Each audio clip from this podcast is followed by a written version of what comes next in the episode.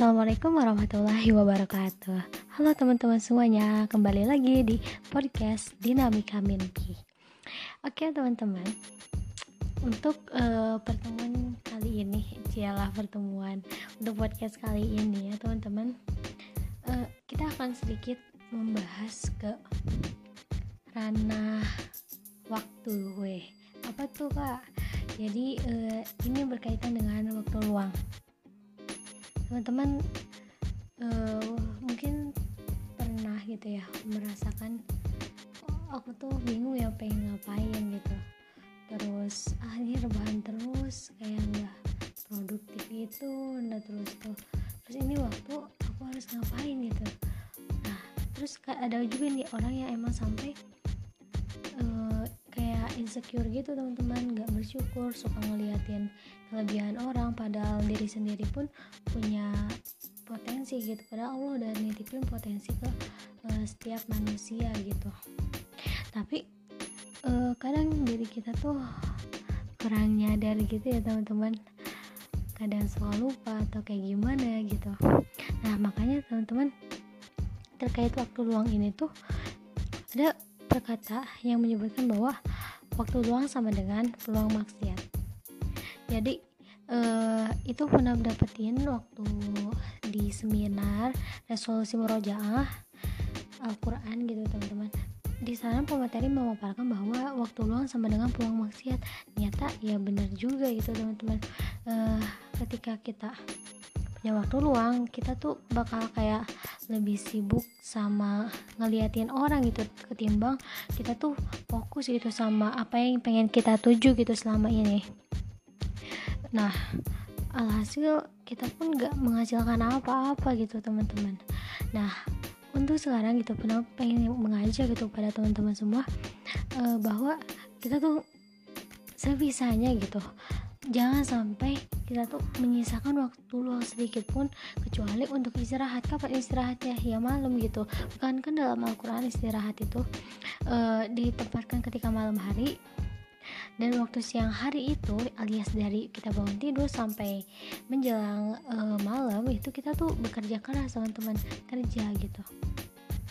Ya pasti teman-teman uh, hafal lah ya Quran surah An-Naba yang berbunyi وجعلنا الليل لباسا وجعلنا النهار معاشا nah seperti itu ya teman-teman nah jadi uh, malam hari itu waktunya istirahat gitu siang waktunya kita kerja keras gitu jadi hmm, dan di Quran surah apa sih Al-Insyirah telah dinyatakan bahwa faida farog tafangsob ila rabbika farogob ketika kita telah menyelesaikan suatu urusan maka pindahlah gitu ke urusan yang lain gitu. Jadi seolah-olah di Quran tuh jangan sampai ada waktu luang gitu teman-teman. Jadi uh, ya kita tuh setiap hari tuh harus melakukan uh, suatu kegiatan lain. Setelah itu kita pindah gitu ke kegiatan ke kegiatan lainnya gitu teman-teman. Nah jadi gimana nih solusinya? Nah untuk solusinya sendiri uh, dari bulan tuh pertama kita tuh harus punya uh, visi ya teman-teman visi. Dan untuk terkait visi ini sebenarnya pun udah udah menjelaskan ya berulang kali uh, terutama di podcast sebelum-sebelumnya gitu bahwa visi kita itu adalah Allah gitu hanya untuk Allah. Uh, berarti gimana nih cara visi kita hanya karena Allah? Coba gitu kita tuh kan hidup ya teman-teman. Dan kita tuh hidup tuh ada rute-rutenya gitu teman-teman. Jadi ada tahap kayak kalau di game itu ada level-levelnya gitu loh ada tantangan-tantangannya gitu. Sampai nanti tuh di biasanya ngelawan raja gitu tuh di akhir tuh. Nah kalau ini mah uh, kalau terkait visi uh, hanya untuk Allah ya udah kita murnikan saja gitu untuk Allah gitu. Nah cuman terkait perjalanannya gitu teman-teman kita tuh kan uh, pada ujung-ujungnya pada akhirnya itu kan akan berada di dua pilihan gitu. Apakah kita bakal di surga atau di neraka gitu. Dan kita tuh posisinya sekarang ada di dunia dan gimana sih caranya gitu? Kita untuk uh, sampai gitu ke surga sama neraka apakah langsung ke surga atau sama neraka atau gimana gitu? Ya pasti kan ada rut-rutnya gitu teman-teman. Yakni uh, alam barza terus tuh uh, berkumpulnya harinya hari dibangkitkan yang mau bahas habis itu dikumpulkan manusia di padang mahsyar. Setelah itu uh, yaumul hisab yaumul bahas dan yaumul mizan dan pada akhirnya kita akan melewati uh, asyurat sebuah jalan gitu. Nah pertanyaannya teman-teman kita tuh pengen jadi orang seperti apa gitu? Ketika kita uh, apa sih berada di rute-rute perjalanan kehidupan yang udah Allah skenario kan itu itu teman-teman. Dan terkait terkait takdir kita masuk surga atau neraka itu kan uh, emang gitu di sini tuh artinya kan uh, uh, apa sih ketetapan Allah. Cuman maksudnya itu bukan Allah udah netapin kita masuk surga atau masuk neraka tapi uh, itu tuh berawal dari uh, ikhtiar manusianya dulu gitu. Kalau misalkan ya uh, apa setiap hari kita ngelakuin hal-hal yang emang membuang-buang waktu dan maksiat terus gitu ya mungkin aja gitu kita bakal jatuhnya ke neraka nanti pas di jembatan Sirotol Mustaqim. Tapi kalau misalkan um, kita sehari-hari bekerja keras terus uh, beramal soleh terus dan menghindari yang namanya maksiat dan meningkatkan ketakwaan ya bisa jadi gitu kita tuh masuk ke surga gitu teman-teman. Allah taala lebih soal jadi gitu teman-teman. Pertama adalah visi gitu visi akhirat. Teman-teman tentuin dulu teman-teman nanti di akhirat tuh pengen uh, jadi orang yang seperti apa sih gitu. Terus uh, turunkan amalan-amalannya nah itu jadi harus punya visi akhirat. Yang kedua adalah kita uh, kan udah setelah diturunkan amalan-amalannya kan setiap diri insan manusia. Eh setiap insan setiap makhluk yang Allah ciptakan tuh mobil khususnya manusia gitu teman-teman. Kan udah Allah beri akal gitu dan dilengkapi dengan potensi-potensi atau kelebihan dan kekurangannya masing-masing gitu. Nah di situlah kita tuh harus berusaha. Misalkan uh, masuk surga Firdaus harus rajin misalkan sodakoh gitu infak. Nah berarti misalkan nih uh, ada seseorang yang di sama Allah dititipkan potensi untuk uh, berbisnis ya berarti dia infaknya lewat bisnis gitu. Kalau misalkan uh, ada orang yang Allah kasih kelebihan lewat public speaking jadi dakwah dakwah gitu ya ke satu tempat ke tempat yang lain. Nah di situlah dakwah uh, di situlah misalkan dia tuh sedekahnya sedekah, sedekah ilmu gitu teman-teman. Dan pokoknya kira-kira seperti itulah teman-teman nah habis itu kita langsung harus buat planning gitu bukankah dalam Quran surat al-hasyr uh, yang berbunyi Ya ayuhal ya ayyuhalladzina amanu taqullaha wal tanzur nafsum ma qaddamat lighad. Nah, itu sampai akhir.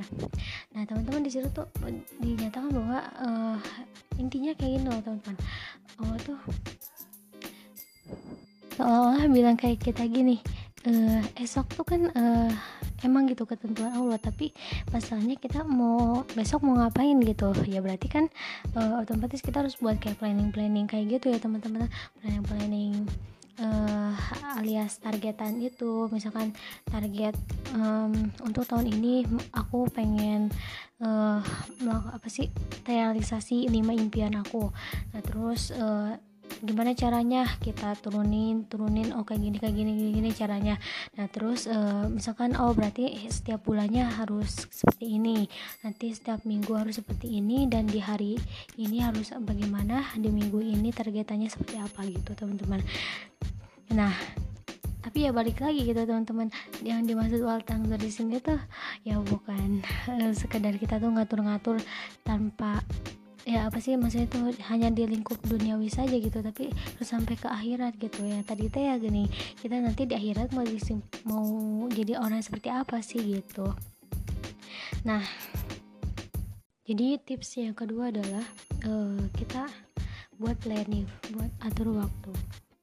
Nah gitu, setelah kita mengatur waktu gitu teman-teman udah punya udah nanti visi kita terus um, planning planning ya setelah itu apa?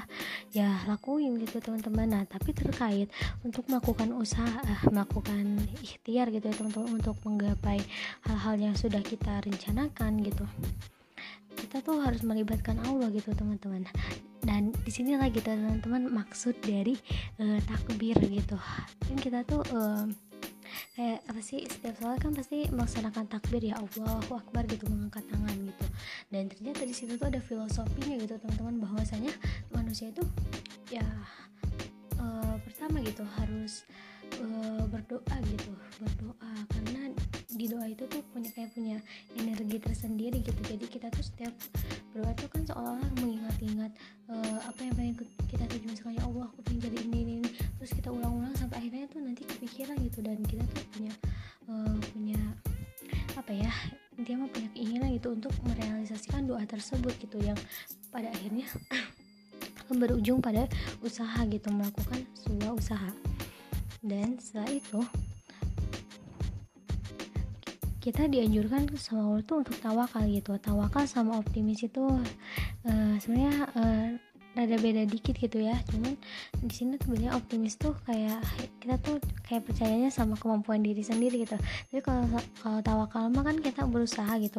Tapi kita tuh melibatkan bahwasanya yang memberi kekuatan itu Allah gitu. Jadi uh, kita tuh udah usaha gitu udah minta kalau ya Allah kasih kasih aku kekuatan untuk uh, melewati jalan-jalan untuk melewati bukan jalan-jalan ya teman untuk melewati rintangan-rintangan uh, untuk menjadi seorang hamba menghamba gitu padamu gitu.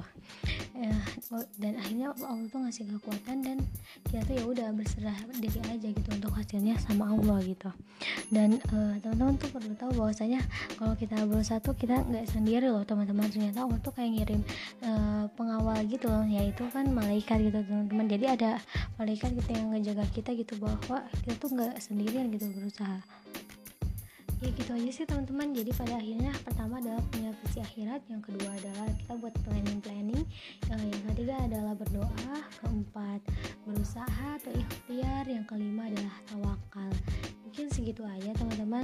Uh, jangan lupa selalu melibatkan Allah gitu dalam setiap sejak langkah kita gitu. Intinya masih teman-teman kuncinya di hidup ini tuh ya takwa gitu. Apa yang Allah suruh gitu ke kita taati dan apa yang diikutin gitu jangan yang dilakukan gitu teman-teman. Karena akan ada konsekuensinya lah masing-masing. Dan terkait gimana cara menjalani kita menjalani kehidupan ini supaya kita terarah ya kita tuh bukan lagi itu Allah tuh udah ngirim sebuah petunjuk yakni Al-Quran. Makanya kita tuh harus uh, selalu membaca Al-Quran tak namun bukan hanya sekadar membaca yakni memahaminya supaya kita dapat feelnya gitu dapat uh, petunjuknya gitu kayak misalkan uh, peta gini kalau peta nggak kita baca nggak kita pahami cara misalkan uh, masih kita pengen ke daerah itu atau pengen ke daerah ini ya kalau kita nggak baca dan dipahami cara-caranya ya kita nggak bakal sampai dong ke tujuan kita sama halnya gitu Al-Quran gitu. Al-Quran kan isinya petunjuk dan cara membaca cara kita dapat petunjuk adalah membaca dan memahaminya serta mempraktekannya gitu kan teman-teman? Nah gitu. Mungkin teman-teman eh aduh maafin teman-teman mungkin teman-teman sendiri juga kan udah tahu gitu ya jawabannya seperti apa Nah, oke, okay, mungkin sekian aja. Ilahi rojiun. Wassalamualaikum warahmatullahi wabarakatuh. See you on the next podcast.